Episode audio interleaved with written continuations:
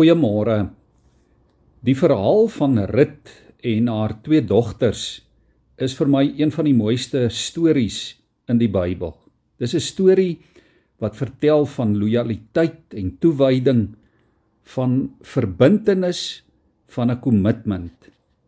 Ek wil vanoggend vir ons lees uit Rut hoofstuk 1 vers 8 tot vers 18. Toe sê Naomi vir haar twee skoondogters: Julle moet liewer teruggaan na julle ouer huise toe. Mag die Here sy liefde aan julle bewys, soos wat julle aan die oorledenes en aan my liefde bewys het. Mag die Here vir julle elkeen weer 'n goeie man en 'n heenkome gee. Toe Naomi van haar skoondogters wou afskeid neem, het hulle albei begin huil. Hulle het vir haar gesê: "Nee, ons wil saam met ma gaan na ma se volk toe. Toe het Naomi se skoondogters verder gehuil en Orpa het van Naomi afskeid geneem. Maar Rut, Rut het by haar gebly. Toe sê Naomi: "Kyk, jou skoonsister het teruggegaan na haar volk en na haar gode toe.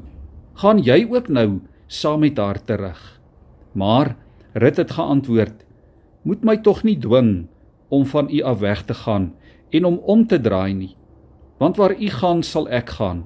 Waar u bly, sal ek bly. U volk is my volk. U God is my God. Waar u sterf, sal ek sterf en ook daar begrawe word. Ek lê 'n eed af voor die Here.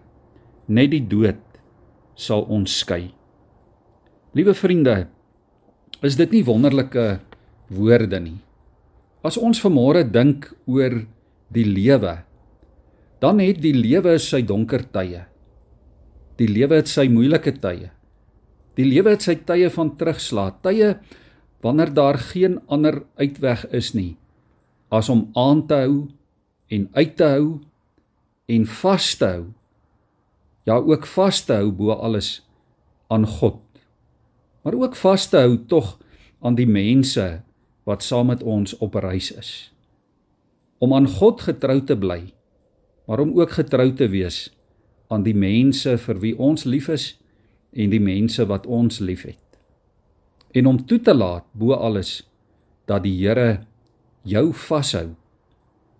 Rut is vir ons 'n baie goeie voorbeeld van 'n loyale persoon.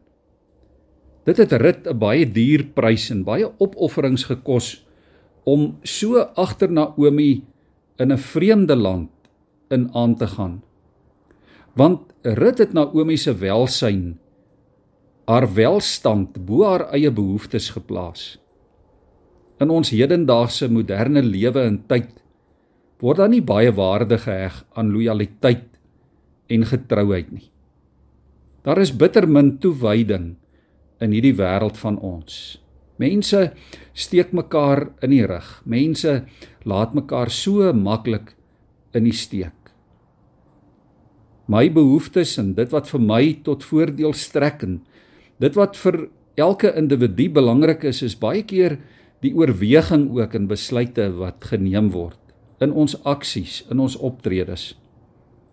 En nou kom die Here vanmôre en hy vra van ons om sy wil te kies bo ons eie wil om sy pad te kies bo ons eie pad om toe te laat dat sy plan, sy gedagtes ons lewe regeer. Ons lojaliteit aan die Here mag nie afhang van dit wat ek by die Here kan kry nie. Maar dat ek bereid sal wees om dinge prys te gee om die Here te volg. Ja, dit vra prysgawe. Dit vra opoffering om getrou te wees, om aan mense getrou te wees en bo alles vra dit prysgawe en toewyding en 'n verbintenis om aan die Here getrou te wees. Mag elkeen van ons onsself so aan die Here verbind. Rit het geantwoord: Moet my tog nie dwing om van U af weg te gaan nie en om om te draai nie. En hoor nou hierdie woorde: Want waar U gaan, sal ek gaan. Waar U bly, sal ek bly. U volk is my volk, u God is my God. Waar U sterf, sal ek sterf en daar begrawe word. Ek lê so 'n eed af voor die Here dat net die dood ons sal skei. Kom ons bid saam. Liewe Hemelse Vader, dankie vir U getrouheid aan ons. Dankie dat U Uself in liefde aan elke mens op hierdie aarde verbind, aan hierdie wêreld. Ja Here, dat U die wêreld so liefhet dat U U eie seun selfs na hierdie wêreld toe gestuur het ter wille van ons. Here kom help ons dat ons U voluit sal bly dien en dat ons vandag U wil sal kies bo ons eie wil. U pad bo ons eie pad, U plan bo ons eie plan. Dit is ons gebed in die naam van Jesus wat getrou was tot die dood.